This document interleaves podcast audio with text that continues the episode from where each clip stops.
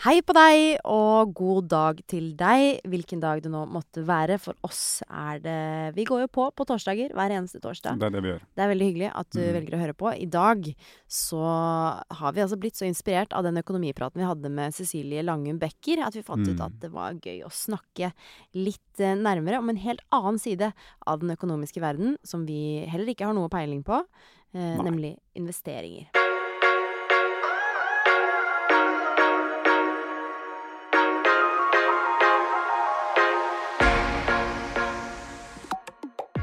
Ganske mye rundt økonomi vi ikke har peiling på. Absolutt. Men eh, da inviterer vi de beste for å lære av de. Ja, men Aksjemarkedet er jo sånn rar greie for meg. Jeg skjønner ikke helt. Men så har det blitt sånn allemannsgreie under korona. Alle, absolutt alle jeg kjenner, Ja. hadde behov for å fortelle hvor mye penger de tjente på aksjer og sånn. Ja, ikke sant? Og man føler seg litt dum eh, Føles- for dum, ikke ja. ha vært med på det eh, Ja. løpet, på en måte. Eh, Men, og hun vi skal få besøk av i dag, da. Hun er ikke noen småsparer. Det er ikke det hun driver Hun er ikke noen småsparer, men hun vet sikkert en ting eller to om det også. Mathilde Nordby Jensen heter hun. Hun er tradingsjef altså i DNB Asset Management. Som, eh, altså, hun er en finansguru. Hun er Mm. 29 år. Ja, det er eh, kult. og Og så er fikk den jobben som 25-åring. eneste kvinne også i Europa med en sånn stilling. Og det også syns jeg er kult. Ja, det er helt utrolig hvordan Jeg er veldig spent på hvordan hun er, det må jeg si. Fordi eh, man sånn har jo bilde av sånne finansfolk, ikke sant? Ja, det er jo Exit. Ja. Du tenker Exit med en gang. De er veldig langt unna meg og deg, liksom. Eh, så Ja. jeg er eh, litt spent. Eh, kjenner at jeg går inn i det med litt sånn Ja, hva skal jeg Er du hvor redd? skal jeg begynne? Jeg, Ja, ja. ja, litt sånn. Det er jo Jeg syns det er ubehagelig å føle meg dum. Eh, Ja. Så jeg lurer på om vi klarer å finne noe common ground. Eh, ikke til nødvendigvis at det er målet, men eh, det er Jeg spennende tror å ikke at tror hun har tar mye feil, så jeg tipper at hun er ganske mye smartere enn oss. Ja ja. Nei, det tror jeg Du får ikke så mye igjen for de pengene du investerer Nei. i det veddemålet. Nei, det er ikke båtsen engang. Nei. nei. Nei, nei, nei, nei. Ikke i det hele tatt. Men uh, jeg gleder meg skikkelig. eh, Så vi bare kommer i gang, eller? Vi har fått at hennes tid er dyrbar. Ja, det er nettopp Altså- det. Jeg kjenner på det. Ja. ja. OK.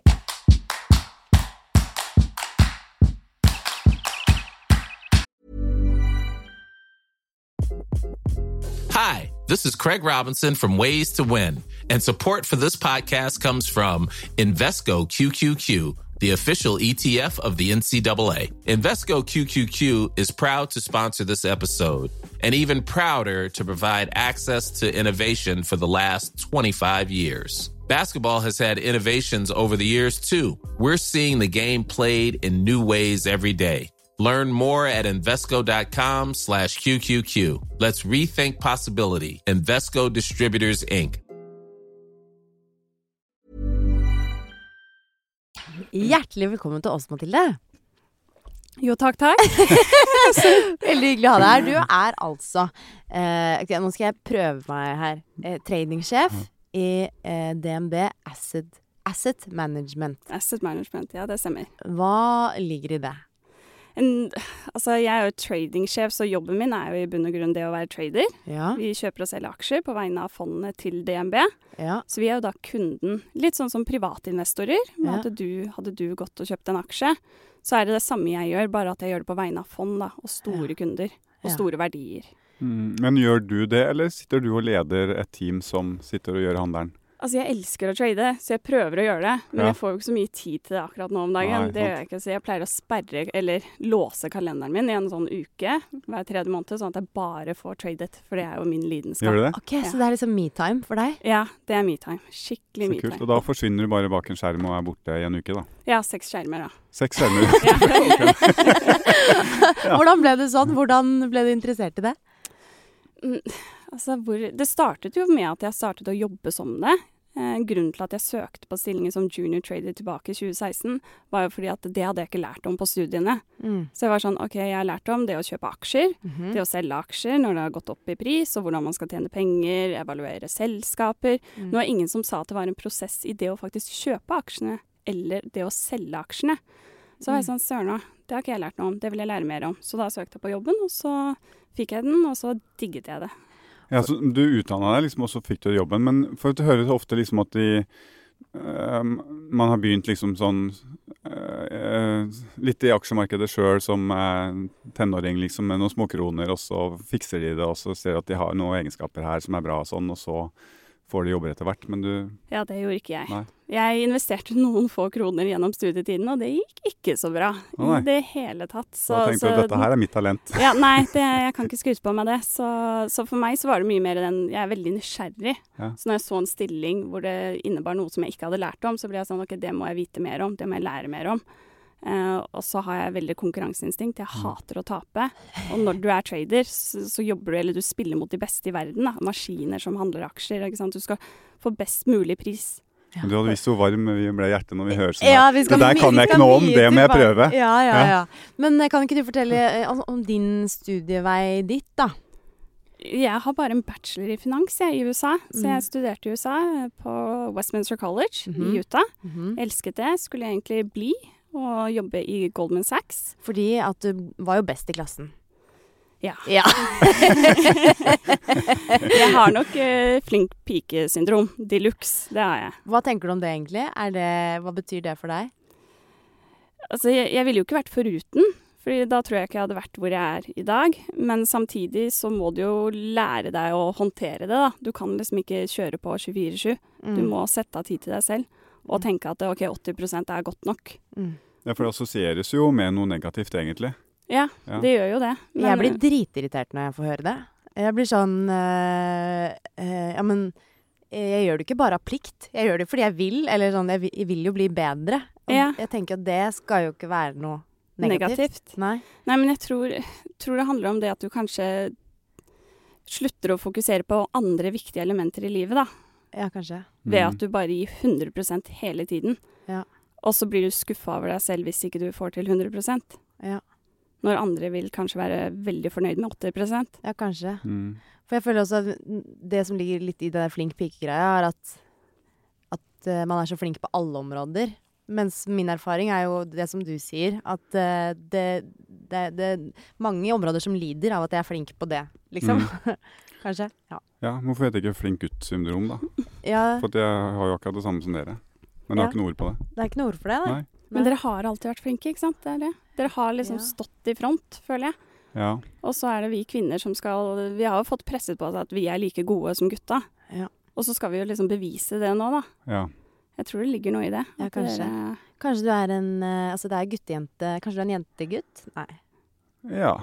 Jeg er jo stolt av mine feminine trekk og sider. Ja. Ingen problem med det. Nei, det var ikke noe angrep. Nei, det føltes ikke sånn. nei, nei, Nei nei, bra.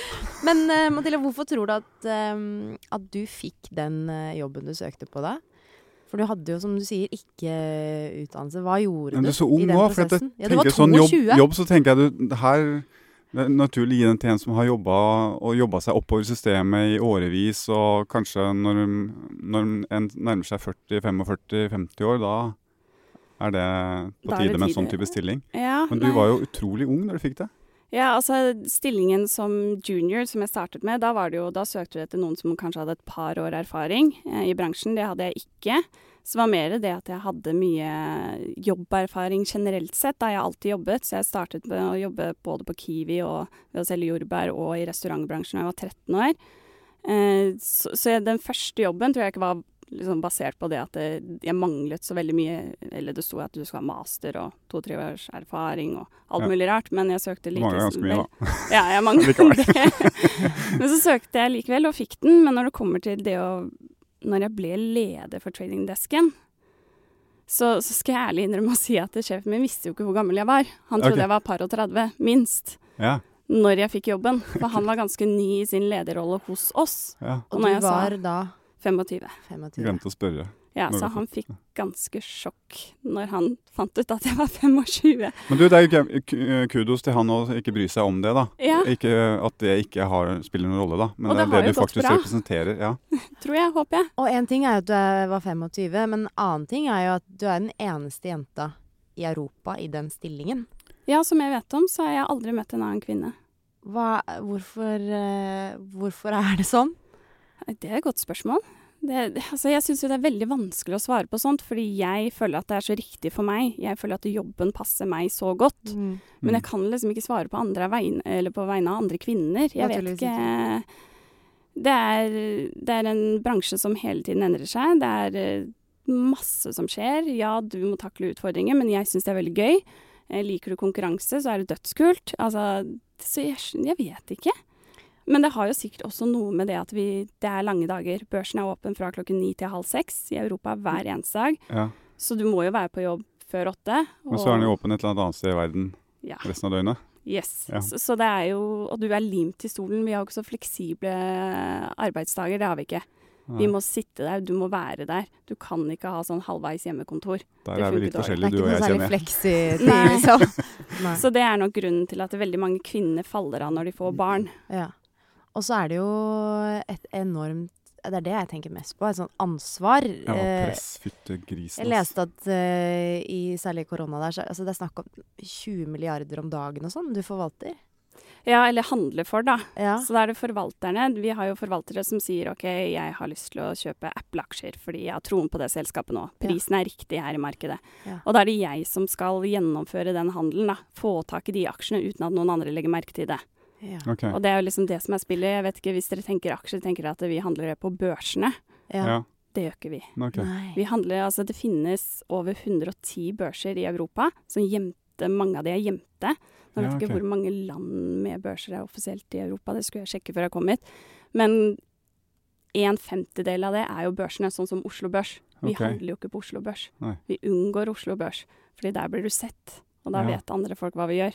Ja. Så, men jeg syns jo den tiden, altså koronatiden, var jo helt ufattelig gøy, da. Ja, du syns det? Å, herregud. Og fordi at det var snakk om så Det skjedde så mye. Det skjedde så ekstremt mye, og jeg hadde kjøp og salg i de samme navnene. ikke sant? Så plutselig var en kurs opp 15% og da solgte jeg, og så falt den 20% så kjøpte jeg, og så skjedde jo det fem-seks ganger om dagen. Mm. Så det bare gikk i ett fra morgen til kveld. Og så var det så gøy å se teamet, da, hvor godt vi jobbet sammen. Mm. Det at det var jo ingen fullstendige setninger i løpet av en dag. Det var bare sånn Mm. Du, ja, ser, ja, mm, tar du, ja, ja. Det er bare sånne korte Så ingen som fikk gjøre noe annet heller, så alle hadde full fokus på, Ja. på det du syns er gøyest. Ja, Ja. og det var på Altså, traderne er jo Vi må være et veldig sammensveisa team. Mm. Fordi at vi må kunne forstå eh, hva, hva den andre holder på med, og hva den andre har oversikt over. Eh, hvis du mister det, så kan det gå galt. Men det var veldig gøy å se at det ikke skjedde, da. Og det er Mm. også ditt ansvar som sjef at det teamet funker. Ja. Hvordan jobber du for å få til det, da? Er det noe som blir til, eller er det sånn dere setter dere ned og har kurs og teambuilding, liksom? Jeg har ikke sånn veldig troa på kursing, da, men vi sitter jo limt til stolen sammen dag inn og dag ut. Eh, Så det blir jo en sånn veldig naturlig bli, bli kjent med hverandre. Mm. i hvert fall i starten, så sitter man og snakker om liksom, hvem er du, hva liker du. Så vi er jo mye mer sammen enn det vi er sammen si, samboer eller familie. Mm. Mm. Eh, så det å kunne være Jeg tror det å være trader og sitte på hjemmekontor, da, ville vært veldig vanskelig. Ja. For da går du glipp av akkurat den biten. Men hvis du da, når du skal ha folk, eh, hva blir viktigst da? Er det kunnskapen uh, disse menneskene har, eller er det kommunikasjon og kjemien i teamet som blir det viktigste? Definitivt kommunikasjon, kjemi, personlige egenskaper. Mm. Så, og det er jo viktig å ansette folk som ikke er helt like, sånn at Mm. vi utfordrer hverandre og liksom dekker forskjellige behov, da. Kan du gi et eksempel på det? Eh, ja, sånn som den ene på desken min er jo veldig flink til å programmere, i tillegg til å være en god trader. Så han kan jo han kan stille et spørsmål, og så finner han svaret i databasen. Ja, døds, gjør ting som ikke jeg forstår meg på, Mm. men han finner i hvert fall svaret. Og så har du andre som er mye mer på den relasjonsbyggingen, for gra grave rett informasjon i markedet. Hvem er det som gjør hva? Hvem er det som tenker at dette er positivt eller neg negativt? Så du må, du må liksom ha både de som elsker å sosialisere seg og snakke med masse nye folk, eh, fordi det er jo sånn vi får informasjon. Eh, og så har du de som eh, trenger også de som sitter med programmeringssystemer og Ja. klarer å grave seg ned i tall, da. Men veldig mange tenker jo at, at like barn leker best, da. Og vi vil jo ofte ha liksom mer av oss sjøl, da. Flere som tenker som meg, og for da er det lettere Det er lett å tro at da får vi mer til, liksom. Ja. Men du sier at det kanskje ikke er sånn. Nei, jeg, jeg tror, akkurat det tror jeg også er en grunn til at så få kvinner har vært i den bransjen her, da. Eh, fordi at det, akkurat det du sier der, når du sitter i et intervju, så er det gjerne de som eh, klarer å speile deg, da, som er Mm. eh, intervjuer denne andre personen. Det er jo de som får jobben. Ja. For det bare sånn wow, det her liker jeg, du sier akkurat de tingene jeg vil høre. Mm. Um, men da sitter du igjen med det, ikke noen nye resultater, vil jeg si, eller Mm. nye ideer. Eh, Du må ha folk som tenker annerledes enn deg. Så, så klart, vi har jo samme mål, og vi Ja. skal jo jobbe noe likt. Sånn at det er en, et system, ikke sant, en prosess, og alt eh, At vi kan forklare hvorfor vi gjør ting og ha en begrunnelse for det. Mm. Men så er det jo det å ha personer som er annerledes fra meg, som klarer å komme opp med noe nytt, eller Mm. stille et nytt spørsmål som ikke jeg har tenkt på. da. Det er jo, kjenner jo veldig igjen det her fra idrettsmiljøet. da. Sånn eh, toppidretts og de ekstreme prestasjonskulturene som idretten jo også er, da, og som du også lever i. Så, er det jo, så merker man veldig fort det. da. Harmonimodellen er jo livsfarlig. Det, skjer jo, det er jo rene, sikre død. Mm. Det er jo det å tenke forskjellig og tørre å fighte og krangle. og Hva vil du si er din uh, rolle i teamet? Oi. Kom igjen, jeg er nok eh, Jeg har jo et sånt kontrollproblem òg, så, så jeg sitter jo eh, Hva skal jeg si? Jeg gjør veldig mye mer enn bare det som er jobben min, da. Det er veldig viktig for meg at vi som DNB gjør det beste vi kan til enhver tid. Og, og det gjør jo sånn at da sitter jeg og ser på regulatoriske endringer, lovgivning, hvordan det påvirker oss, jobber tett med forvalterne, eh, ser på nye systemer, eh, endring av systemer, jobber mye med IT. Eh, og så er jo jeg den som kanskje kan bli litt hissig når ting ikke funker, fordi at det er så mye som skjer hele tiden. Så jeg liker at ting er sømløst, men jeg er nok den som ja, egentlig løper rundt mm. til enhver tid. Eh, og så prøver jeg å være på desk. Jeg vet ikke om det er et sånt ord som Nei. Det Jeg er litt sånn altmulig-kvinne på desk, tror jeg de Ja. andre ville sagt. ja. Er du flink til å gi ansvar, eller, eller stole på de rundt deg? Uh, gi slipp? Ja. uh, ja, jeg, jeg føler at det, jeg har ikke noe problem med å gjøre det, når jeg tror andre er klare for det. Men sånn vi opererer og de tingene vi gjør, da, så er det ofte sånn at det, det er kanskje ting jeg har gjort Si ut av de tusen tingene jeg gjør, så er det ikke mulig å lære en annen person de tu, eh, tusen tingene på én dag. Nei. Det må skje naturlig eh, og biologisk, så han må jo, eller hun må jo også få muligheten til å komme på, opp på et nivå hvor de har nok forståelse til å ta på seg nye oppgaver. Mm. Men når jeg ser at de er der, så prøver jeg å lære bort. Men du må jo ha tid til det. Det er Ja, sant? ofte det som er eh, problemet, at det, det er ikke tid nok Mm. til å gi nok slipp, da. Men når du sitter altså Det som det er jo et enormt bredt felt. Du kan liksom sikkert utvide og utvide og ha oversikt over million felter for å liksom sitte der og faktisk gjøre den tradinga. Men når du gjør det, det hvordan eh, funker det inni deg? Er det liksom høy puls og Eller er du liksom eh, fokusert Tenker på arbeidsoppgaver, som vi sier i, i idretten. Hvordan, eller flyter Altså hvordan Du blir jo veldig fokusert, for Ja. det må du jo være. Eh, og så må du Du har jo vaner, da. Du får vaner som gjør jobben lettere. Fordi skal du prøve å følge med på alt når det er mye som skjer, så går det dårlig. Så du må liksom vite ok, hva er fokuset ditt nå. Hva, hva slags informasjon trenger jeg for å gjennomføre den oppgaven her.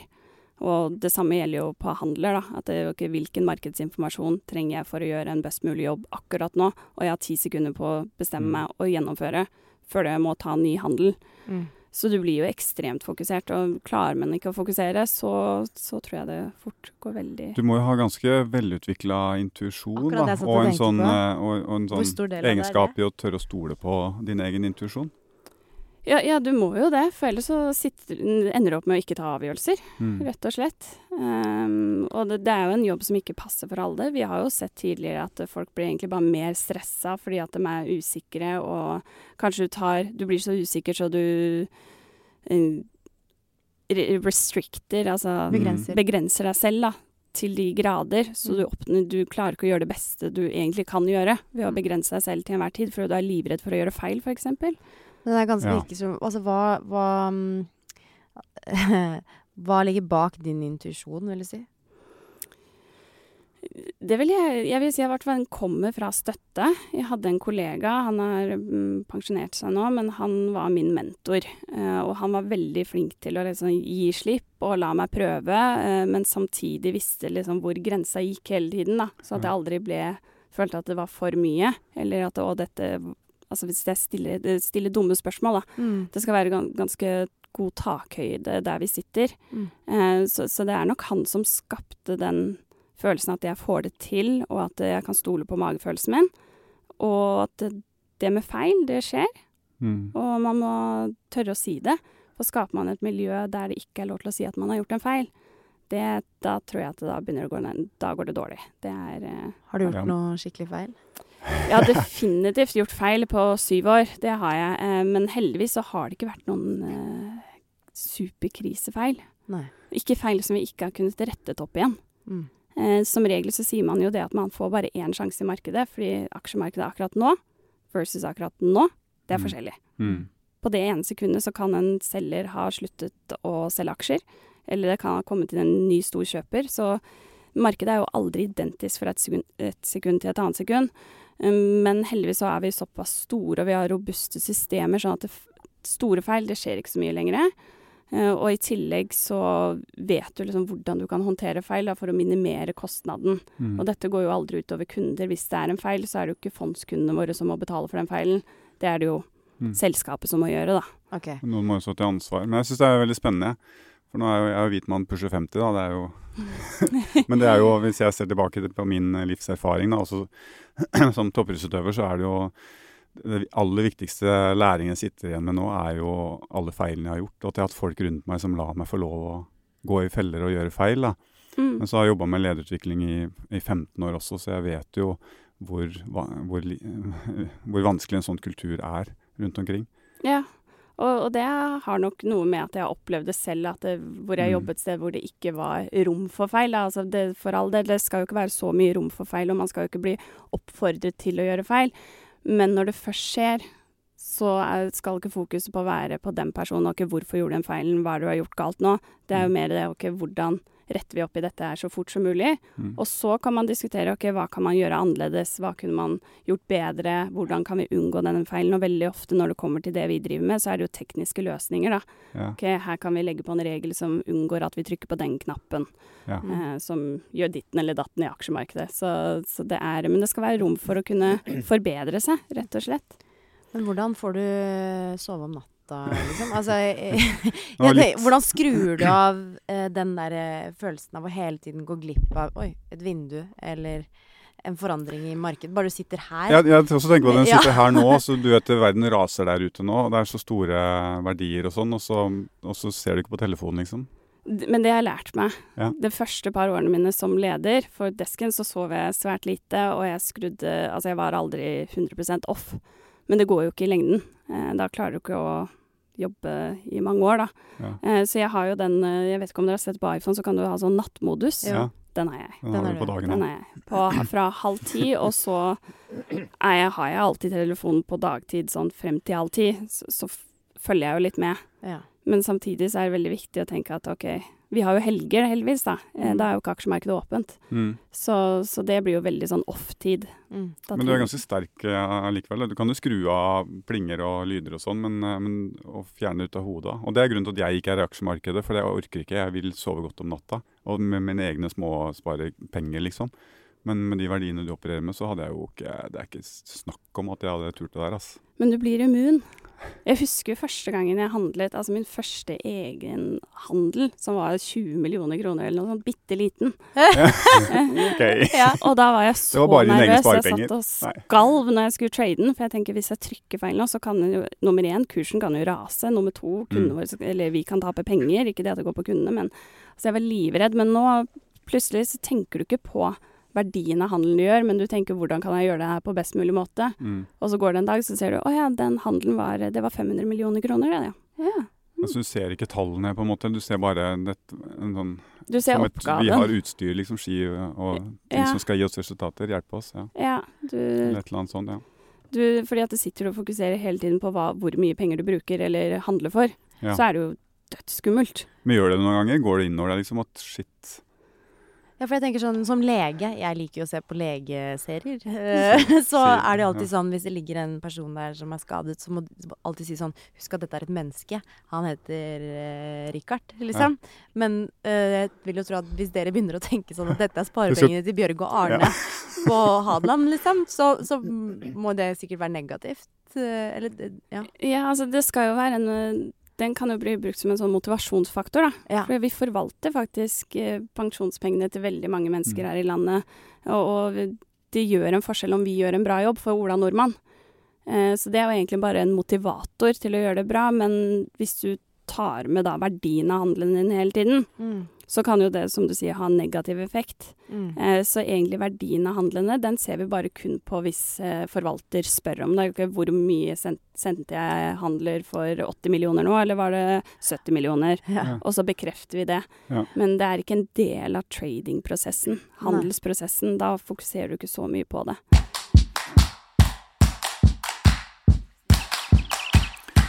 Men du, aksjemarkedet sånn, jeg, skjønner, jeg skjønner ikke noe av det. Jeg har alltid styrt unna det. Fordi jeg vil sove om natta og sånn. Men så var det jo under korona nå, så ble jo det allemannseie.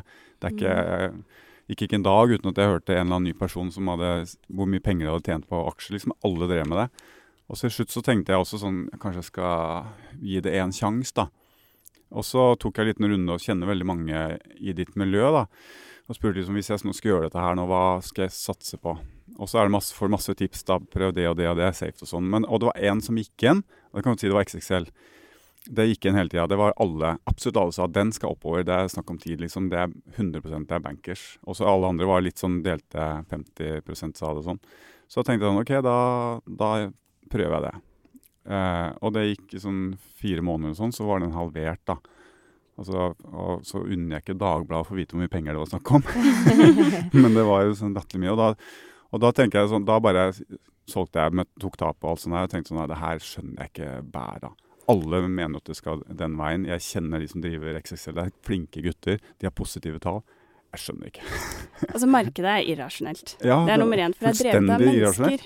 Ja. Det er det man glemmer. Og folk det- syk syke på Eller Ja, Ja. altså det er veldig mange ting som påvirker aksjemarkedet. Du har renter, du har råvarepriser, du har uh, psykologi, du har meninger, Ja. nyhetsbildet og ikke minst forventninger, da. ja. Og så tenker man jo ok, 70% av alle handler og alle verdier som blir tradet nå i Europa, det er maskiner som gjør algoritmer. Men det er jo et menneske som har bygd den algoritmen, så den er jo igjen basert på hvordan det mennesket ville reagert basert på visse faktorer og visse Mm. ting som skjer. Eh, og er det én ting vi mennesker er, så er jo vi er jo irrasjonelle ja. eh, når det kommer til følelsene våre. Eh, så, så markedet er jo også irrasjonelt, og du kan Det er ikke alltid det er mening i eh, aksjeutslag, altså. For det sitter jo jeg og analyserer dag inn og dag ut. Og det er sånn OK, hvorfor er den aksjen her opp 4 det er, Markedet er flatt, det er ingen nyheter. Men hvis man hele tiden skal ha godt svar, så tror jeg man må gi seg. Fordi at det, i den situasjonen så kan det godt hende at det er bare én person med mye penger Ja. som har troa på selskapet, og så ser han ikke at det, okay, det er veldig få selgere i markedet i dag. Så den personen, bare ved at han kjøper de aksjene, drar opp kursen, da. Uten grunn. Er det derfor dere styrer unna de åpne børsene som Oslo Børs, og heller er på de skjulte, Ja, hvor det ikke syns? ja helt riktig. Fordi da Jeg skal jo aldri dra en kurs opp eller ned, da. Nei. Jeg skal Er ikke det litt sånn, er ikke Spetalen var i hvert fall veldig kjent for det? Gå ut med noe sånn i alle finansavisene og påstå et eller annet, og så gjorde noe motsatt sjøl. Ja, han er, han er det. Uten å oute noen, da, men uh. Altså, det er jo et ordtak i bransjen som heter 'There's no such thing as a free lunch'. Ja. mm, Og den er jo veldig reell, reell både hvis du ser på nyhets... Altså leser E24, DN. Det er jo alltid en grunn til at folk sier det de sier. ja, det tenker jeg òg. Eh, så angående det med tips, da. Ja. Der er jo jeg veldig kritisk, fordi jeg sitter jo også i eh, midten av det hele. Vi får jo eh, all analyse fra forskjellige meglerhus, og vi vurderer jo alt opp og ned og ut og inn. Ja. Eh, og alle har jo en grunn for seg selv til at de skal ha rett. Ja. Alle vil ha rett. Og veldig ofte hvis det er private investorer som går ut i media som sier og de har skikkelig troa på dette selskapet her, så har jo de mest sannsynlig allerede kjøpt aksjer. Ja. Eh, Så de vil jo at flere skal kjøpe, fordi at en aksjekurs det bestemmes jo av tilbud og etterspørsel, akkurat som i alle andre bransjer. Tilbud det er selgesiden, og etterspørsel det er kjøpsiden. Og jo flere kjøpere du får, jo høyere blir jo kursen. Den presses opp. Eh, Og det samme hvis den faller, da. Jo er det mange selgere, så faller jo kursen naturligvis. Ja. Så, så de ønsker å skape ikke sant, supply and demand, tilbud og etterspørsel. Mm. Så det er jo det som styrer hele markedet. Ja, jeg har også merka at det er ingen eh, De siste åra har det ingen som har kommet til meg og fortalt hvor mye penger de har tjent. Alle disse private små eh, aksjonærene. Nei, 2020 og 2021 var jo bonanza. Du kunne jo kjøpt nesten hvilken som helst aksje på eh, børsen, og så hadde du tjent penger. Ja. Og det, man må jo ikke glemme at de som er genierklært innenfor det vi driver med, de har Mm. 60% rett. Og så Ja. kommer 2020 og 2021, hvor alle har De som rett. åpner TikTok-kontoer og Instagram-profiler og er uh, tradere ja, og eksperter. Liksom sånn, kry- når krypto plutselig krypto, blir en greie. Altså, har DNB altså, Driver dere med krypto plutselig, eller? Nei, Nei. takk Gud og lov for det, for jeg vet ikke hvordan Jeg, jeg, jeg forstår meg ikke på det. Nei, hva Nei. er det for noe? Nei, Nei, jeg, skjønner ikke jeg heller. Det. Jeg, jeg har prøvd å blitt forklart av flere personer som mener at de kan veldig mye om dette. Ja. Eh, men nei, jeg skjønner det fortsatt ikke. Nei. Så du har ikke noe kryptokunst uh, liggende på Nei. Skjønner jeg i hvert fall ikke. Nei, det skjønner ikke jeg heller. Det er veldig rart. Men når du sitter med dine egne penger, da, er det Da er det liksom det Sparer du de beste tipsene og beste kunnskapene og, og det eh, informasjonen du har, sparer det til deg sjøl bare, da, sikkert. Altså Nå blir jo jeg som leder for en trading desk, så må jeg være veldig forsiktig med hva jeg handler. Ja, det blir innside, du, sikkert Ja, fort. Ja. så altså veldig mye av det vi driver med er jo men er- markedspå... ja. Eller kurspåvirkende. Men går det an å være stor på Oslo Børs uten å drive med innside? Men de driver ikke på Oslo Børs. Nei, men eh, jeg tenker på andre, Jo, altså Vi andre handler jo på Oslo Børs, altså norske aksjer. Ja. Eh, men eh, innside, ikke sant? det at vi eier 5% av et selskap, Ja. det gjør oss nødvendigvis ikke innside. Nei, Vi men jeg tenker sånn hva- generelt blant investorer i Norge. Norge er så lite land med industrien vi har. Det er såpass kompakt og lite, liksom. Mm. Eh, og de som investerer store beløp på Oslo Børs, liksom, går det an å tjene penger der uten å liksom bli berørt av at du egentlig driver med innside? Ja, altså vi, vi gjør jo det, da, Ja. uten å drive med innside.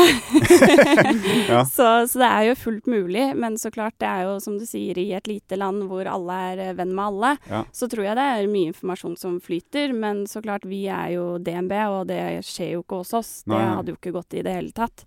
Eh, vi må følge boka. Eh, og når det kommer til da f.eks. meg, så, så kan ikke jeg bare handle i hvilke som helst aksjer. Nei. Eh, jeg må passe på at fondene de kommer alltid først, eh, og så har jeg veldig lang bindingsperiode. Altså jeg skal sitte med aksjene i ekstremt lang tid. Så jeg velger jo nesten heller å investere i fond, da. Det er jo der jeg har pengene mine. Mm. Noe på sparekonto, noe eller mest i fond. Ja. Du var litt kjip på den når du vet at du kunne gjort gode handler, men du, du har bare ikke lov til Altså, hadde jeg kunnet handlet på informasjon som jeg sitter med, Ja. så hadde ikke jeg sittet her i dag. Da hadde jeg vært langt, langt unna på en yacht et eller annet sted. Det må jo være litt fristende. Jeg fikk kjenne på det litt i helga, skjønner du. uh, fordi Nei, det er ikke fristende. Det her er jo, dette er jo doping. Idretten Ja. kaller vi det doping, Ja. men jeg, tenker, ja, det jeg er mener at egentlig- juksing er et er samfunnsproblem. Ja.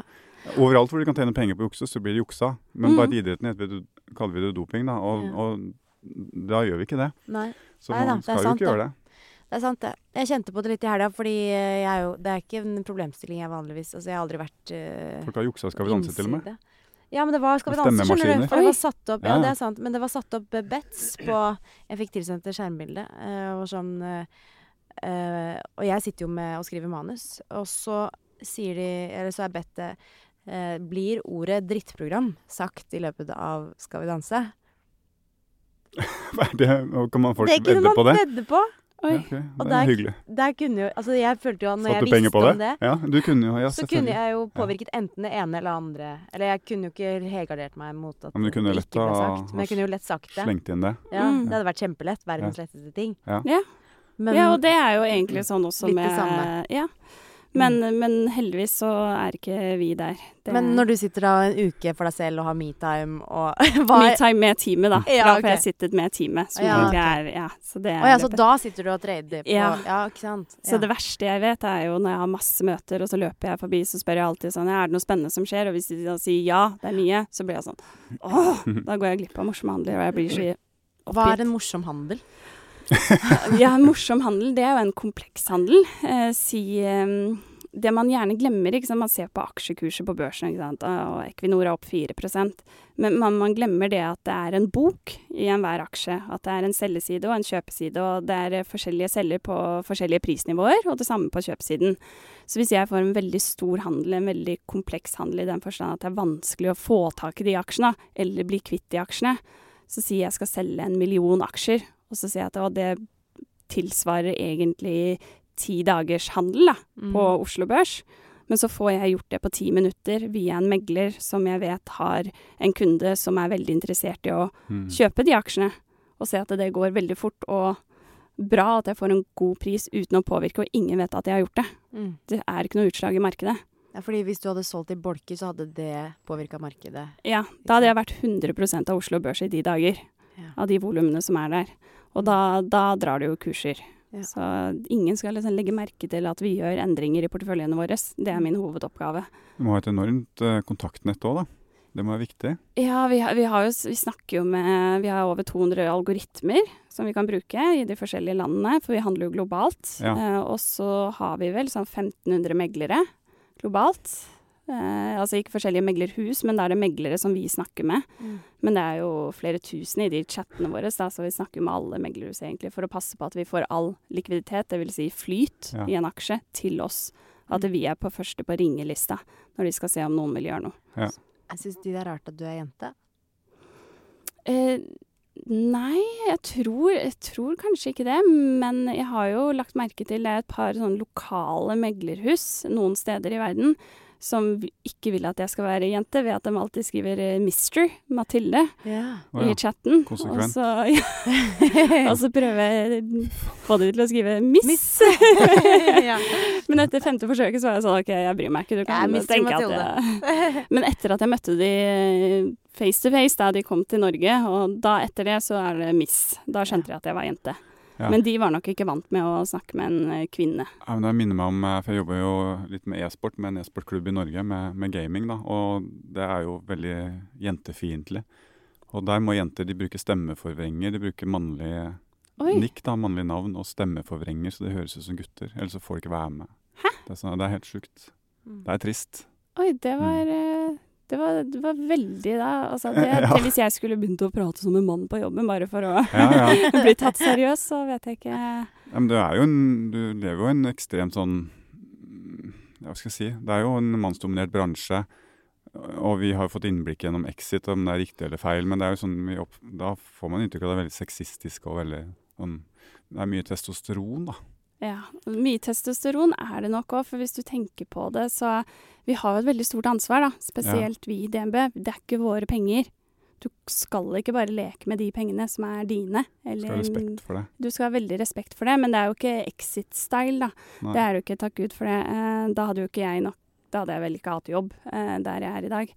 Men, eh, men så klart, jeg tror du finner i alle bransjer så finner du noen som er litt villere og litt mer gærne enn andre. Mm. Eh, Ja, Garderobekulturen i idrett er ikke bra, den heller, for å si det sånn. Nei, ikke sant. Det, Mm. det er jo alt, man finner alltid sånne folk hvis man leter. Mm. uh, men det er ikke sånn hos oss, og jeg må ærlig innrømme å si at det er noen som har løftet meg opp i systemet da, og har supporta meg hele tiden. Så er det jo bare mannfolk, for de Mm. har jo bare jobbet med mannfolk, egentlig. Mm. Eh, og jeg føler ikke at det, det har vært noe negativt på noe som helst måte.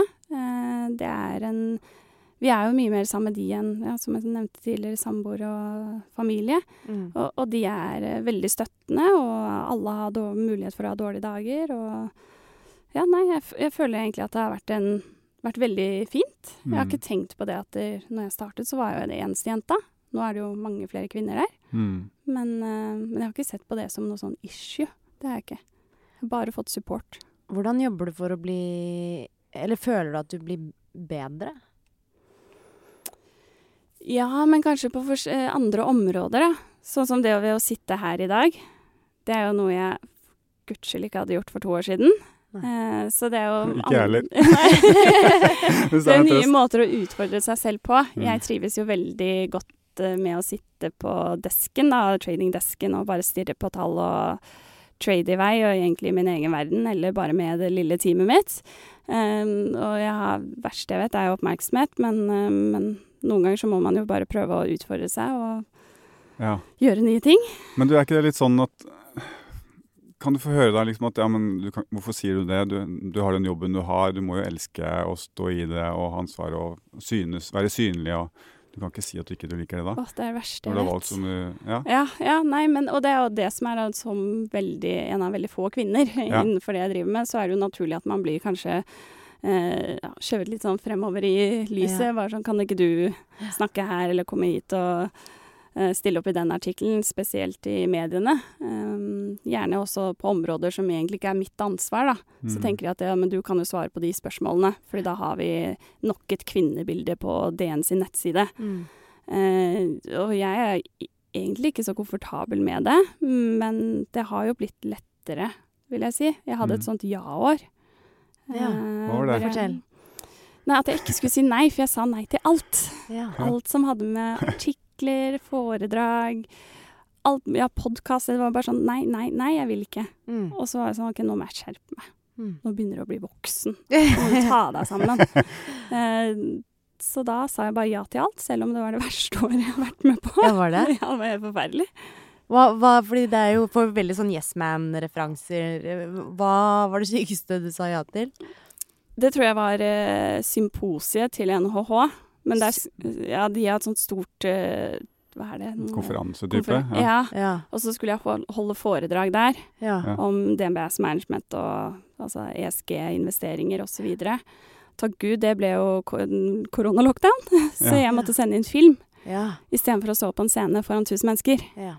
Eh, så det var vel eh, det året det sykeste. Men så stilte jeg opp på Hun investerer for første gang det året òg. Og så har jeg egentlig gjort det i år òg, da. Så Ja. nå er det jo bedre. Nå går det Ja. litt bedre. Men du, jeg syns du er flink. Jeg, jeg var jo no man eh, fram til jeg var 44, vel. Ja, Sa nei til absolutt alt, og så bare tenkte jeg, litt som deg, da. Gi det en sjanse, da. ja, Men, er det, prøve. men har det gitt deg noe? Ja, det har det. Jeg må jo si det at det å se seg selv altså tilbake i tid, da, hvor man, når du vet hvordan du følte om visse ting, sånn som å stå på en scene, holde et foredrag foran 500 personer Hadde noen sagt til meg for fem år siden ok, det skal du gjøre i 2022, Mathilde, og du skal ikke holde på å dø før du går Mm. på scenen, så hadde Mm. det vært sånn nei, du tar veldig feil. Eh, Jeg kommer til å dø før jeg går på scenen. Mm. Um, så jeg føler jo at det har gitt meg en Det har kanskje åpnet opp muligheter da, som du ikke har tenkt at det, OK, det her klarer jeg. Eh, så det, det har gitt meg veldig sånn, hvert fall god følelse Mm. overfor, overfor meg selv, at jeg har turt å ta den utfordringen. Mm. Eh, fordi veldig mange tenker jo at finansfolk eh, vi er veldig kyniske, vi er harde, det er ikke så mye Mm. følelser. Mm. Men jeg har vært veldig åpen på det på jobb, at å herregud, nå gruer jeg meg, å, det her er Mm. dødsskummelt. Og jeg snakker med gutta om det òg, eh, fordi jeg tror jeg har vært veldig heldig der for at vi de tør å connecte på den måten med meg, da. Ved Mm. at jeg tør å si at det syns jeg er skummelt, og det syns jeg var kjedelig. Ja, men det gjør, noen av de gjør også det sikkert, vet du. Ja, det er Mm. akkurat det. Mm. Så, og da blir det mye lettere hvis de har en dårlig dag. Da, Istedenfor at de begynner å kjefte på oss, så kan de heller si du, jeg har en sykt dårlig dag. Det er Ja. Derfor er det så viktig at eh, sånn som deg har sånne stillinger, da. Men jeg syns det er litt kjipt og på et vis Eller det er bra at du utfordrer, men Sånne som deg, underforstått at Nei, nei, nå, nå er jeg bare Jeg syns det er veldig bra. Det, det, det viser jo at det trengs, da. At noen kan legge fokus på litt andre ting, da. Som at man syns ting er vanskelig, og, og hva man føler. Men jeg tenkte det med å Man er liksom ung, og så, og så har man en veldig drive og passion for noe, eh, og legger sjela i det, og så, blir man, og så får man til lykkes veldig med det. Og da plutselig er man i en posisjon hvor det forventes så mye mer, da.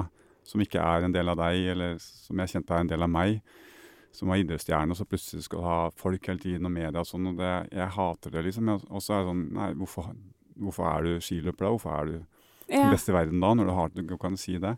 Så er det så lite respekt for, for at, at du egentlig bare starta å drive med det du driver fordi du elsker den biten av det, liksom. Og at eh, det er vanskelig å få respekt og forståelse for at alt annet rundt det kan være litt vanskelig, da. Ja, det, og det å tørre å si at det er vanskelig. Å tørre å si at det, det er Fordi også at det er eh, spesielt da, som kvinne, så skal vi vel, blir vi vel gjerne fremstilt som at du må være ekstra tøff Mm. for Ja. å håndtere det, eller du må være uten følelser, eller ikke bry deg om noen ting. Mm. Men jeg bryr jo meg så, så mye om mye. Ja. Ja. Man kan være flere, flere ting samtidig. Ja, det er akkurat det. det må, jeg må liksom ikke være en sånn strict, sur, eh, sinna Nei, men det kan jeg si, da, for jeg driver med og Det har jeg snakka om det i podkasten her før, så det er ikke noe sånn farlig. Det, for jeg har jobba med lederutvikling i, i 15 år. Og hatt sikkert 2000 innom på sånn tre- og fire dagers kurs eller seminarer. da. Eh, og det er jo, det, og jeg syns det er trist, da, for det er særlig litt sånn godt etablerte kvinnelige og nærmest konsernledelse, sånn, så, så tar de mannskulturen istedenfor Ja. å være seg sjøl. Ja. Men det, liksom, det har vært premisset for å komme dit og lykkes, så er det, blir det Så dyrker de også den machokulturen, da. Mm. Og det, det er jo ikke Vi trenger jo de kvinnene fordi de er kvinner, og bringer inn noe litt annerledes, da. Som du sier, beste teamene, så er det jo fordi vi er forskjellige. Ja. Og, det, og det tror jeg det er nok andre kvinner som har banet den veien for meg på Mm. forhånd. Men så Mm. hjelper du til uh, for neste Mm. som Nest- kommer. Ja, neste er generasjon som hvordan, hvor, hvor vi kan være oss selv. Og jeg har ikke noe problem med å si om jeg har en dårlig dag eller ikke, og om jeg er lei meg, om jeg syns noe er tungt. Eh, Nei, for du sa i stad at eh, aksjemarkedet er irrasjonelt fordi følelser de har laget av men... Eller du sa ja, det er, jo, det er jo mennesker som styrer aksjemarkedet. Det er jo Og vi følelser er irrasjonelle. Men så kan man jo diskutere igjen om følelser alltid er det, altså, det, De er jo ikke alltid irrasjonelle. Noen ganger så er de jo Nei, nei. Men, men, men veldig ofte hvis man handler på basis av følelser, Ja. Eh, og i aksjemarkedet så har man som regel ikke mye tid. Mm. Og hvis du kan tenke deg hvis du hadde gjort alt det det ene sekundet hvor du er veldig sint eller veldig lei deg, Mm. som du har lyst til å gjøre, da hadde du tatt noen valg du hadde vært sånn Oi, det skulle jeg ikke ha gjort. Ja. Og det samme gjerne i aksjemarkedet, så har man kanskje muligheten til å reagere på det ene sekundet, ja. og det er ikke så lurt. Um, Og hva med sånn moralske ting? Sånn eh, kanskje du helst eh, ville investert i bare grønne aksjer, på en måte. Men så sitter du og kanskje investerer i våpen Jeg vet ikke. ja, nå har vi et eget ESG-team som sier hva vi kan investere i. Ja. Eh, Så de gjør jo den jobben for oss. ja. Så det er ikke noe valg jeg må ta, eller eh, Nei. forvalterne. Det er jo de som styrer og passer på at vi er innenfor eh, retningslinjene, og vi følger jo NBM og, og hva de gjør. Mm. Um, men, men du sitter jo med en så klart personlige formeninger, da. Mm. Men det kan ikke jeg hensynta, egentlig. Fordi jobben min er å handle på best mulig pris. mm. Men de listene forandrer seg jo litt sikkert, Det er stadig endring, da. Ja. Så kan det sikkert være perioder hvor du har kjent at det her kanskje skurrer litt, eller andre at du har kjent at dette her syns jeg var godt. Og sånn som nå, så er det jo veldig fokus ikke sant? Russland, sanksjoner. Ja. Da måtte vi jo selge ut, og det gjorde vi jo før sanksjonene faktisk kom. Eh, og det var jo et standpunkt vi tok eh, når de invaderte Ukraina. Og så er det jo fokus på Fifa, Qatar. Ja. Altså det er jo veldig, det er veldig politisk det med aksjemarkedet òg. Man må se på politikken, og man må Altså er det verdt å putte penger i et selskap eh, når du vet at de ansatte blir behandlet dårlig? Mm. Nei, det er det ikke. OK, hva kan vi Ja. Hvem bør vi heller da supporte, Mm. som gjør det samme? Mm. Og hvor rettigheter er faktisk eh, Ivaretatt. Ja. Mm. Ja. Men det er jo komplekst, da. Det blir jo liksom bare mer og mer komplekst. Man tror jo liksom at vi kommer videre her i verden og får rydda opp i ting, men det virker jo bare som verden men blir mer og mer vanskelig. Jeg har tenkt på det der flere ganger, og jeg, jeg syns jo ikke det er så rart at det blir bare mer og mer komplekst. fordi hvis du tar 100 år tilbake i tiden, da. Hvis vi hadde bodd i samme bygd, så var det 60 personer vi måtte forholde oss til. Ja. Og det var de 60 meningene eh, og de 60 synspunktene. mm. Mens i dag så skal vi ivareta og se på og følge med på og tenke på hele verdens meninger og Mm. synspunkter. Og forutse. Ja. Mm. Eksponentiell teknologi har vi jo snakket med Isabel Ringnes om, uh, Alsgaard. Ja, uten at vi fortsatt forstår helt hva det er. ja. Men det er noe der fremme Ja. uh, som er uh, mye mer, og mer avansert. Men tror du dagens barn som do- jo vokser opp da med hele verden tilgjengelig i lomma, kanskje da vil få et litt sånn mer, en mindre komplekst syn på verden etter hvert? da? Jeg håper det, for Mm. det, det er jo så Jeg syns det er kjempevanskelig. Eh, Det er jo så mye som ikke er greit eh, i dag, og, Mm. og så mange hensyn man skal ta, så man til slutt blir jo Ja, jeg vet ikke helt hva jeg skal gjøre, for man er livredd for å gjøre feil òg. Ja. Man har jo gode intensjoner, Ja. eh, og det er jo det egentlig jeg tror mest på, er å har man gode intensjoner, så går det bra. Men, men det er jo forferdelig mye forskjellige ting som skjer i den verden vår, som vi skal faktisk tenke på. Ja. Og det er vanskelig å vite og kjenne til alt. ja. Og vi er flinke til å påpeke og dømme hverandre òg, da. Hvis, Ja. du, hvis, du, hvis du legger ut at du sitter og koser deg med fotball-VM nå ute i desember, så blir det gærent, det òg. Ja, ikke sant? Uh, det er, nei, det er kjempevanskelig. Mm. Ja, det er det. Jeg tenkte, satt og tenkte på en uh, teori som jeg selvfølgelig ikke husker navnet på, men det er i hvert fall en teori som jeg har vært borti flere ganger som idrettsutøver, uh, som sier at vi alle er en, har en kombinasjon av det å ville lykkes og være redd for å feile. Å, det har vi snakka masse om, vi. Ja, Men ikke på podkasten. Nei. Eh, og ofte så sies det at jenter er gjerne reddere for å feile. Og at menn er mer sånn tilbøyelige til å ha liksom, motivasjon for å lykkes, da. Hvordan er din fordeling av de to? Altså, jeg, først og fremst så tror jeg det stemmer. Fordi også hvis du ser på, ser på oss jenter når vi gjerne søker jobb, da, så ser vi på okay, hva slags kvalifikasjoner er det trengs her. Og hvis det er en liste med kvalifikasjoner, så begynner vi å se på ok, det kan jeg jo ikke, det kan jeg ikke, det kan jeg ikke. Ok, Mm. jeg kan ikke søke. Nei. Kan karen en av de tingene som er på den lista, så er han sånn å, dette her kan jeg. Ja. Ja. Jeg kjører på. Ja. Eh, og det er jo nok det samme også med risiko. At, det, at vi er redd for å feile der. Eh, jeg er eh, Altså, jeg er redd for å feile, men, men jeg er mer redd for å skuffe andre, kanskje. Mm. Sånn som på Hun investerer i å stå på en scene. Jeg vil at de skal gå derifra med å føle at de har lært noe, og jeg har gjort noe som gjør noe for dem. At de Mm. sitter der med informasjon som de føler er nyttig. Mm. Eh, men samtidig så er det vel det Ok, nå jeg vet ikke om jeg kan si det uttrykket, men det å lære seg å gi litt mer F, Ja. Mm. og at det går bra, Mm. Mm. eh, den har jeg vel lært mer av de siste årene. Mm. Fordi det har jo vært en del eh, hvor jeg ikke har sovet så godt pga. det nye Altså når jeg fikk stillingen, og du vil gjøre en god jobb, og du er livredd for å gjøre feil, og i Mm. hvert fall i den alderen og så tidlig i stillingen, og så tidlig i karrieren, da, så blir det så synlig. Mm. Uh, men som regel så går det jo bra. Mm. Så jeg har vel lært meg mer og mer med årene at eh, ja, ja. Ja, Og så sa du at du var et uh, konkurransemenneske, så du har vel sikkert litt grann eh, motivasjon til å liksom ville lykkes òg. ja Sånn, ikke bare litt. jeg får til det, da. ja. Jeg kan godt jeg ta litt mer om det, for det syns jeg er spennende. Hva, når du sier at du er et veldig konkurransemenneske, hva betyr det? Jeg liker å vinne. Ja. Altså enten vi Jeg drev jo med kickboksing i åtte år.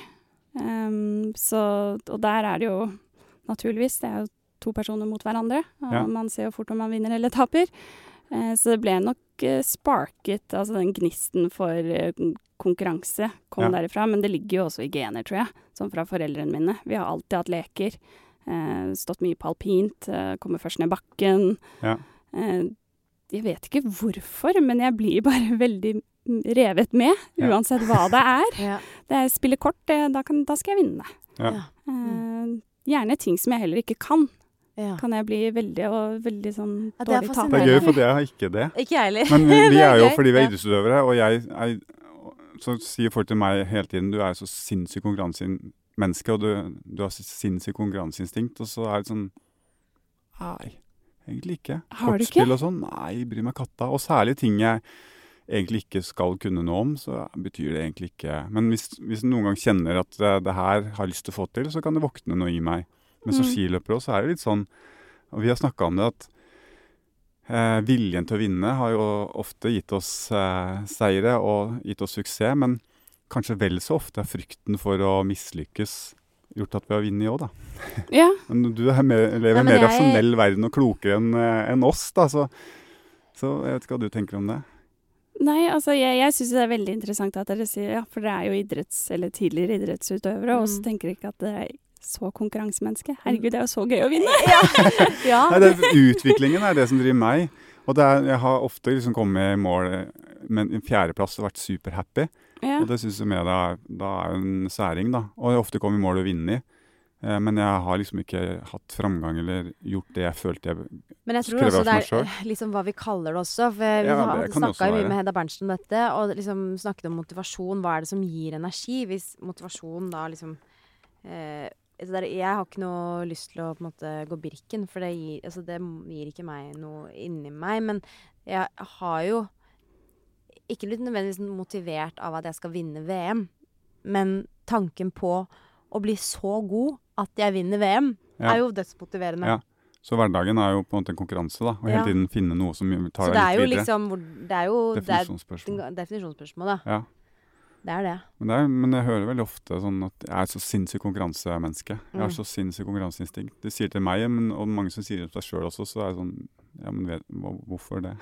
Ja, nei, jeg, jeg ser jo det, men, men jeg er jo enig i den utviklingsbiten. da, fordi at hvis du, sånn som for min del, hvis jeg får inn en handel som virker å være veldig vanskelig, Mm. og så får jeg gjort den veldig, veldig lett Mm. altså det er bare, Oi, der var den den. Ja. Så er det sånn Å ja. ja Så det trenger ikke handle om at det var det største beløpet eller den beste prosentvise stigningen, liksom. Det, er bare, det kan være andre ting At som jeg ikke måtte fighte for det i det hele tatt, er jo Ja. litt sånn å ja, ja. Ja. Men igjen, da, det er jo fint for Ja. DNB, Ja. men noen, jeg trives liker jo med kampen. ja, kampen. Ja, det Ja. å bli utfordret. Ja. Det syns jeg er veldig gøy. Og det å liksom, okay, nå må jeg tenke hva slags verktøy er det jeg har som kan gjøre at jeg gjør den her bedre enn andre i markedet. Ja. det, Det, det driver med. Det tror jeg er ganske sånn idrettstankegang òg, altså. Men du lever i en verden som er veldig lik, da, så det er ikke det om må gjøre. Men det er den jo, jo lenger inne de sitter, jo, jo mer befriende og deiligere kjennes det jo på et vis, da.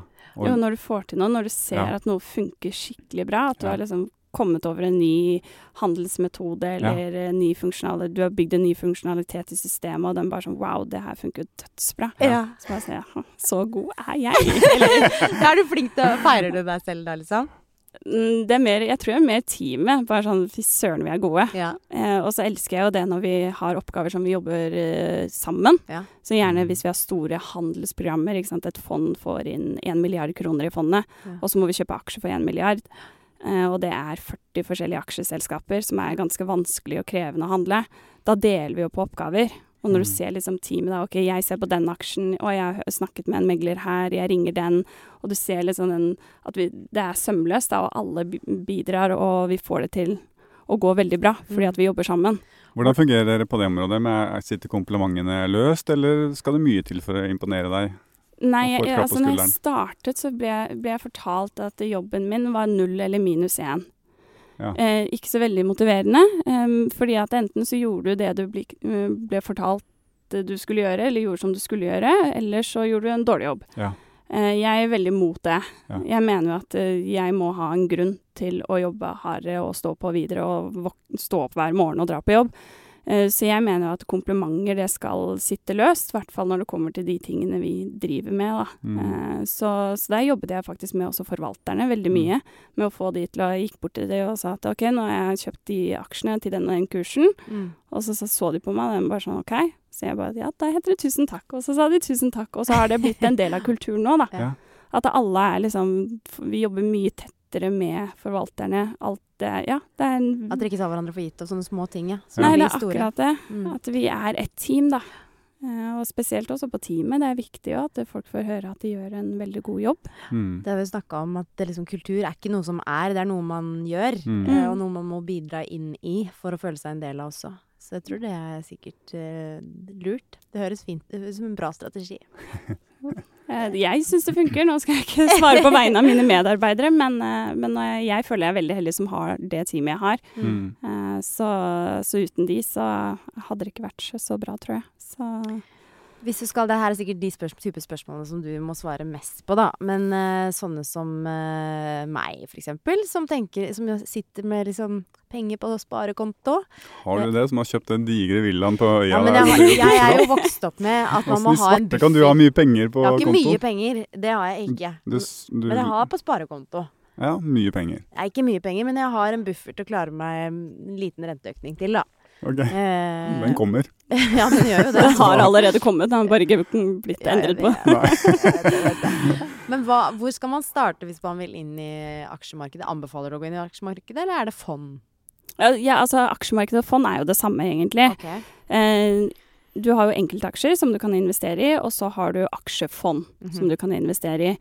Og der finnes det jo en hel rekke av forskjellige fond igjen. Du har bransjefond, dvs. Si sektorfond, fond som er investert i visse bransjer, sånn som teknologi eller helse. Og så har du jo indeksfond, kanskje mest kjente fondet og det beste stedet å starte, Mm. som rett og slett eh, investerer i en rekke selskaper, da. En hel indeks. En indeks er jo et uh, utvalg av aksjer, gjerne de største aksjene. Enten Ja. det er en sektor eller land eller Ja, du kan vel region. gå inn og kjøpe Oslo Børs? Å, Ja, kan du det? norsk Totalt? indeks, ja. da. Ja, norsk Så, indeks, ja. så følger jo hovedindeksen på børsen. Ja. Eh, eller så kan du ta verdensindeksen, som er liksom de 1500 største aksjene i hele verden. Eh, så det er jo kanskje det beste stedet å starte, hvis man også ikke ønsker å følge med så mye. Eh, jeg mener jo at man alltid bør være investert i aksjemarkedet. Eh, det er ikke så vanskelig å få bedre enn eh, renta på kontoen. Eh, men man må være langsiktig, da. For Ja. det går jo opp og ned. Hvor langsiktig da? Altså Hvis du ser på krisene som vi har hatt tidligere, så har det i snitt tatt seks år for å komme seg.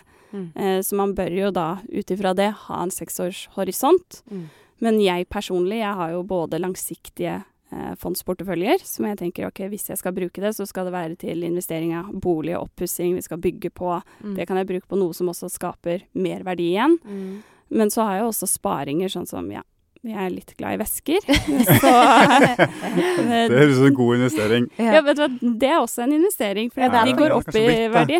Ja. Det er som vin. og Ja, Ja, vin er jo helt innsides, da. Jeg solgte noe vin i London her, eh, og det var hundregangen på 13 år. Det er sjukt. Ja, ikke sant. Ja. Så, så det går jo an å kjøpe Mm. ting som går opp i verdi. Ja. Eh, men da er det sånn ok, når jeg må, når det målet Mm. med altså, den summen jeg trenger for å kjøpe den veska, så tar jeg ut pengene. Mm. Eh, Men klarer du å selge vesken da? For det Nei, blir jo aldri. litt vanskelig, det, vet du. Det er det som er problemet. Men eh, jeg har ikke gjort det. Jeg gjorde det under eh, På videregående så bodde jeg i USA, og så Ja. ble jeg mye frem og tilbake, og da var veskene mye billigere der, og Mm. mye dyrere i Norge. Så kjøpte jeg jo de i USA, og så solgte jeg de når jeg kom igjen. Ja. Så da var det mye kjøp og salg, men eh, nå er det bare samling. Men jeg har brukt den unnskyldningen ganske mange ganger for meg sjøl. Altså, at jeg kjøper vin som jeg, koster altfor mye penger. Men så tenker jeg sånn Jeg kan jo bare selge det igjen om noen år, liksom. Men det er, det er så vanskelig, for det blir nesten som barna, vet du. Ja, men jeg tenker sånn, jeg må jo ikke. Så le, men hvis jeg må en dag, Ja. så kan jeg jo selge de. Men du sier at man må tenke langsiktig, så du mener at jeg, jeg burde bare holdt på XXL, da? At de kommer opp forbi 89 kroner igjen, da. Når jeg solgte på 41 eller sånn.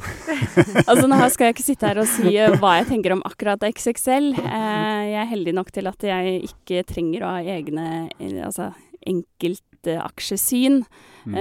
Men det å være langsiktig er ekstremt viktig, for det handler mye mer om tiden du er i markedet, enn timingen din. Ja. Eh, sånn historisk sett. Men som småsparer gå inn som eh, med enkeltaksjer eh, og daytrade og sånn, det, det er ikke å anbefale. Det er, for det er for uforutsigbart og Ja, og så sitter det vil jeg jo Altså, jeg syns jo det er veldig kult når du har eh, privatinvestorer, altså småsparere som kjøper noen si Equinor-aksjer eller Telenor-aksjer, og så sitter du med det i 10 år, 20 år osv. Eh, men det å daytrade, da kan jeg jo si at da har du jo også sånne tradingdesker som min tradingdesk, Ja. som har ekstremt komplekse systemer som koster vanvittig mye penger, som gir oss bedre innsikt og mer innsikt i markedet enn alle andre. Mm. Eh, og det er jo for at vi skal kunne gjøre vår, altså jobben vår på best mulig måte. Mm.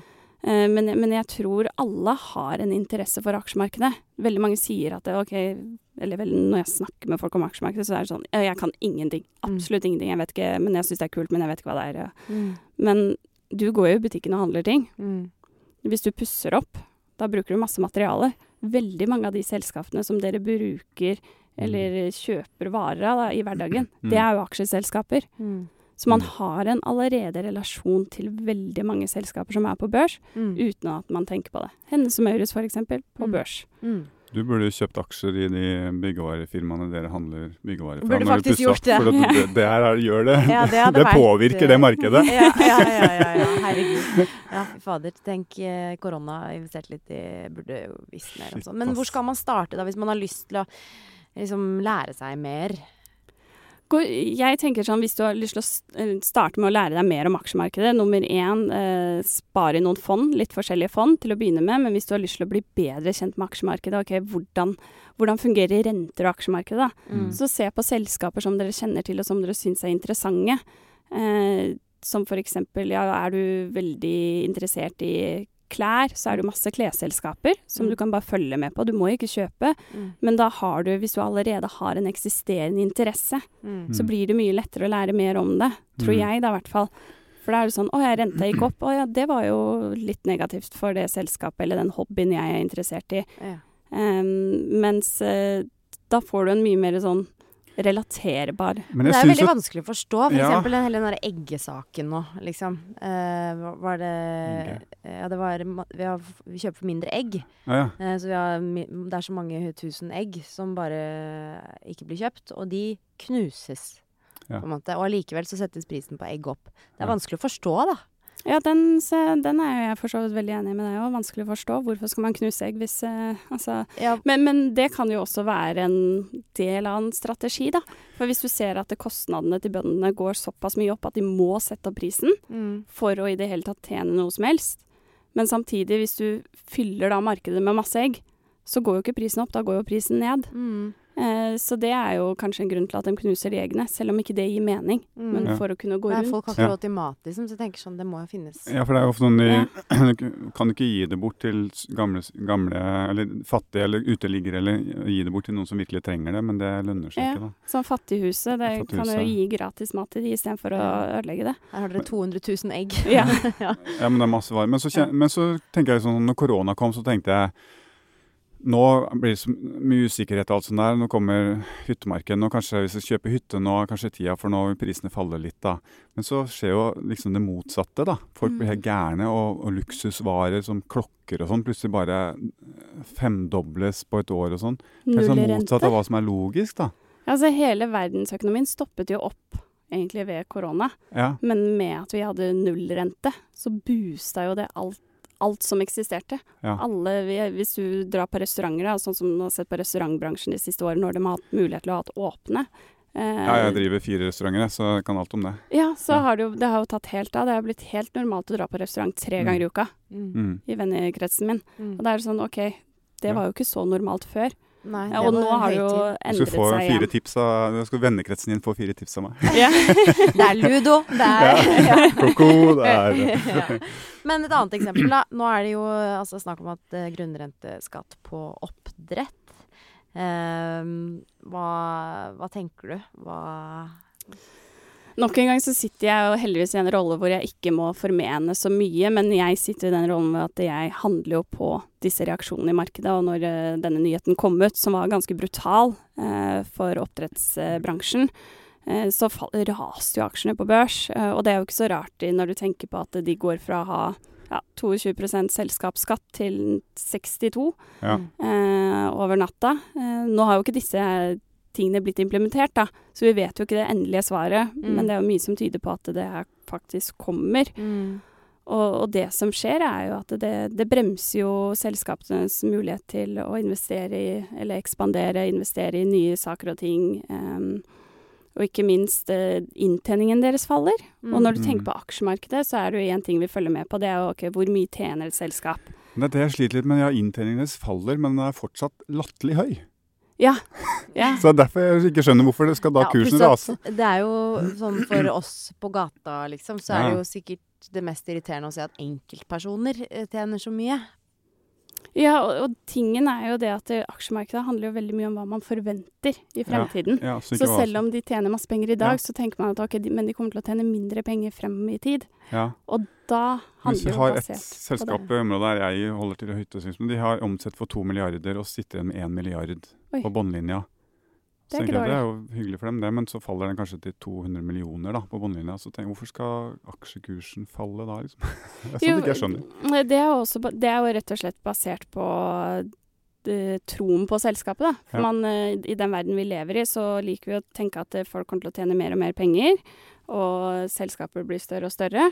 Og det er jo derfor man gjerne investerer i de, da.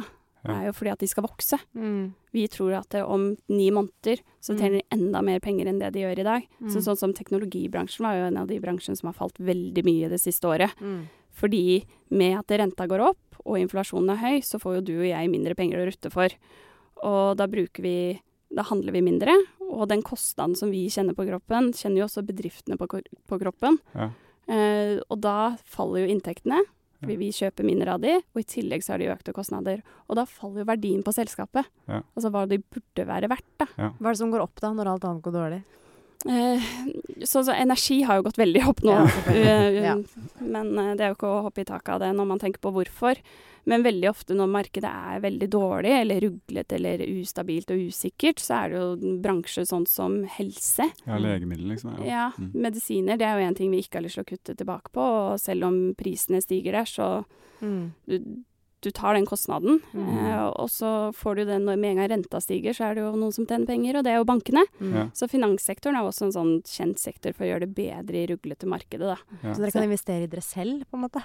Eh, Ja, ikke sant. Det er jo hel eh, Vi har jo finansfond, da. Eh, Nå vet jeg ikke om de har investert i faktisk DNB, men eh, det er ikke noe jeg egentlig tenker på om vi handler i DNB-aksjene eller ikke. Nei. Eh, Men ja, så det, finans er jo også da en sektor som pleier å gjøre det bedre, da. Men som- Naturligvis. Men som småsparer, og hvis jeg skal inn i aksjemarkedet hvis jeg For, eksempel, jeg, for noen år siden satt jeg på en middag så satt jeg bord med Øyvind Eriksen. snakka litt med han og sånn, og så plutselig hadde jeg fanga opp noe, eller han hadde fortalt eller sagt et eller annet som jeg kjente på at her er det shit. Kunne jeg da gått hjem og så putta penger i Aker Solution, eller hadde det vært innside på en måte da? Hvor går grensene for eh, Ja, altså hvis ikke det, det, det er offentlig informasjon, da. Ja. Eh, Er det ikke offentlig informasjon? Vet du om eh, Men jeg vet, vet, jeg vet jo ikke det som småsparer, hva som er offentlig informasjon. Nei, nei det, det har vel man et ansvar, da. Å sjekke før man kjøper. Ja. Eh, Og hva er offentlig, liksom? Er informasjonen tilgjengelig for alle? Så det Ja. han snakket om under middagen, da. Ja. Google- Kunne du ha funnet ut av det Google det etterpå. Ja. Hvis ikke du finner Ja, eller, noe, men hva hvis det legges ut på Jodel, liksom? på jodel. Ja, Jodel, ja, der er ikke jeg. Det, har jeg har aldri skjønt meg på Jodel. så- Nei. Nei, det er mye nyttig å Media lager mange saker basert på Jodel eh, om dagen. Men Gjør det? Ja, ja, ja. ja. ja, ja. Masse på det. Men um, OK. Vi har noen sånne kortsvarsoppgaver, holdt på å si, før du går, Mathilde. Jeg, blir, jeg kjenner jo på at jeg blir litt stressa av at du sitter her hos oss, så eh, nå skal vi runde av snart. Føles som du taper penger for hvert sekund. nå. Ja, ja, litt sånn derre Jeg ser det bare lyse på telefonen, og det er sikkert en eller annen avansert eh, app. Men OK.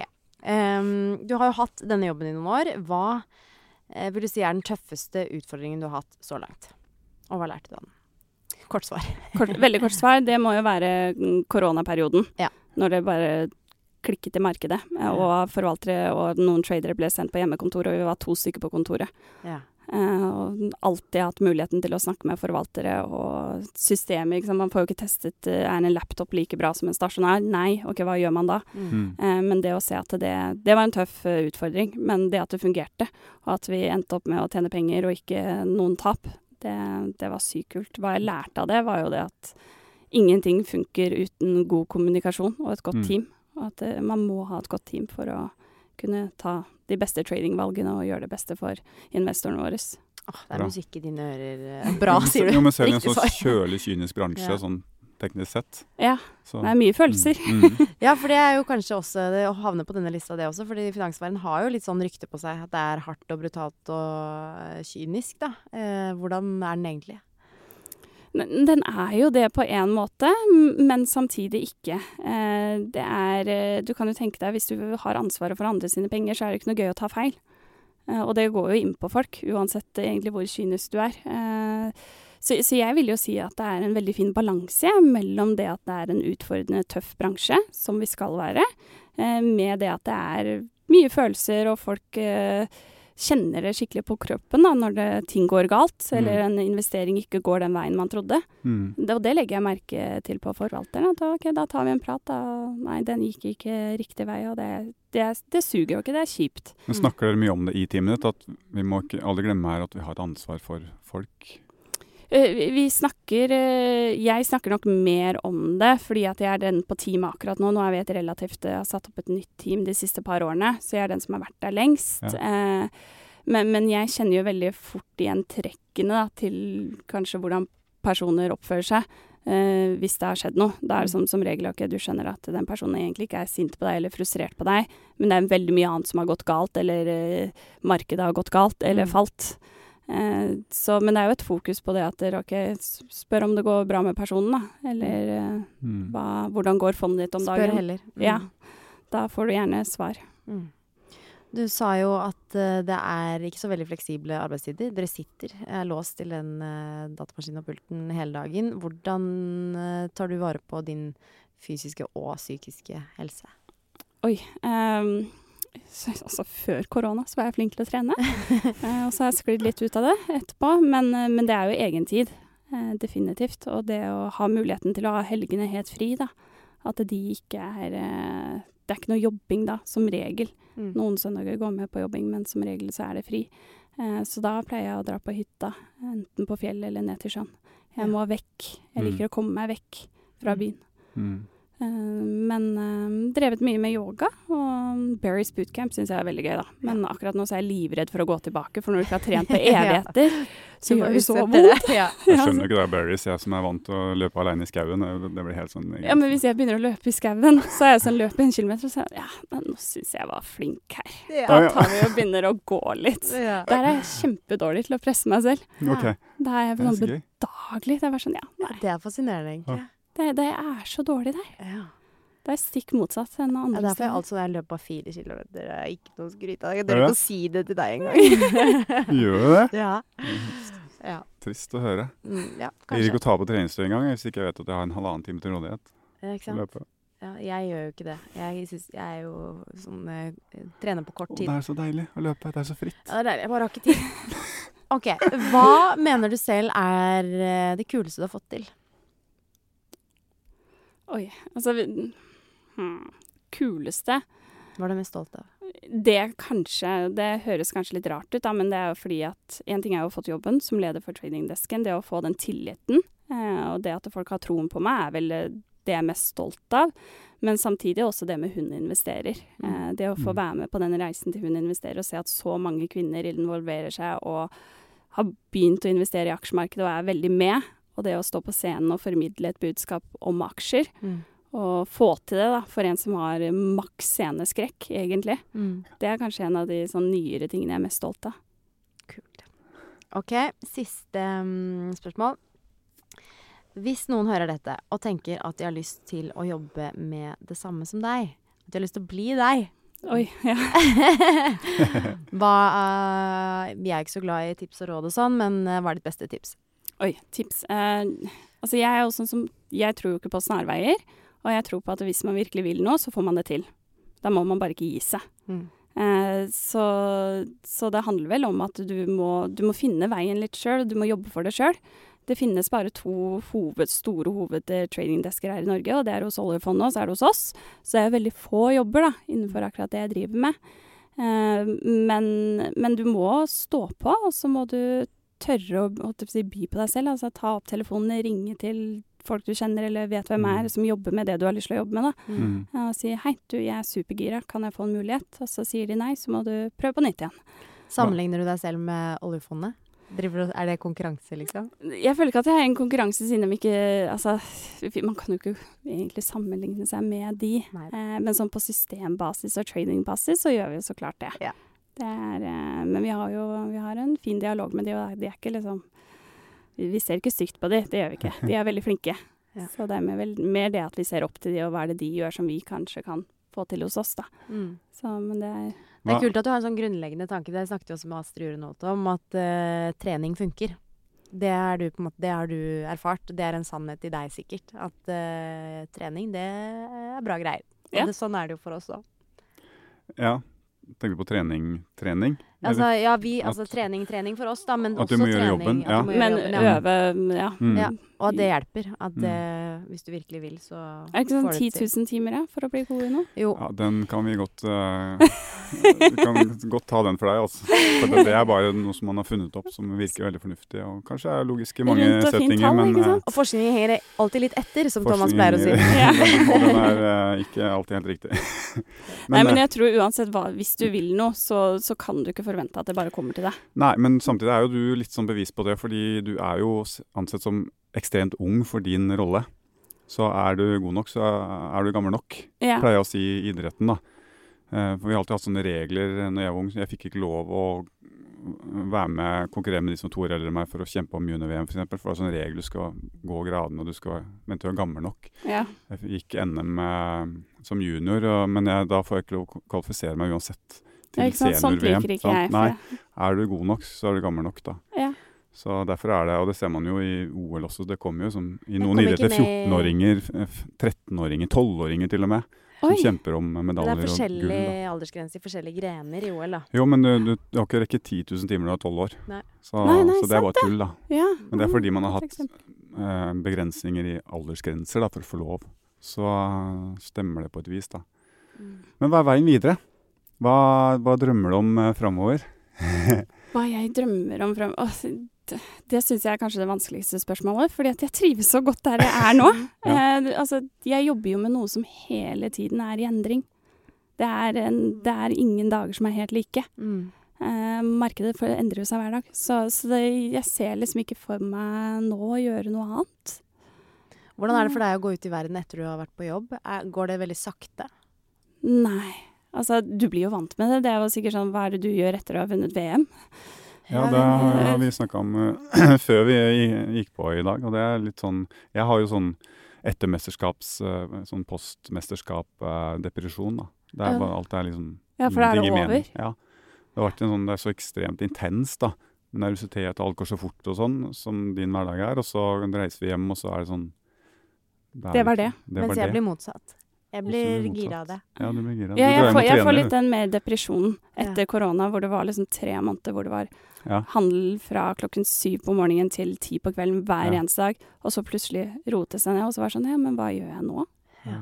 Skal jeg, skal jeg, skal jeg finne på noe etter jobb i dag? Så, um, men det varierer jo veldig. Vi er som en brannstasjon. Noen dager er det helt rolig og ufattelig kjedelig. Andre Og andre dager så koker det, og da blir du, da blir du litt sånn oi. Mm. Du, du blir litt tømt, egentlig. Hvilken dag er det i dag? Nei, i dag så skjer det faktisk litt. Um, så det er jo veldig gøy. Ja. Så jeg, det jeg gleder meg allerede til. Så nå, Ja. så nå må jeg gå. Ja, du skal få komme av gårde. Tusen hjertelig takk for besøket, Ja, Mathilde. det var det var veldig spennende. Takk for at jeg kunne komme. Hei!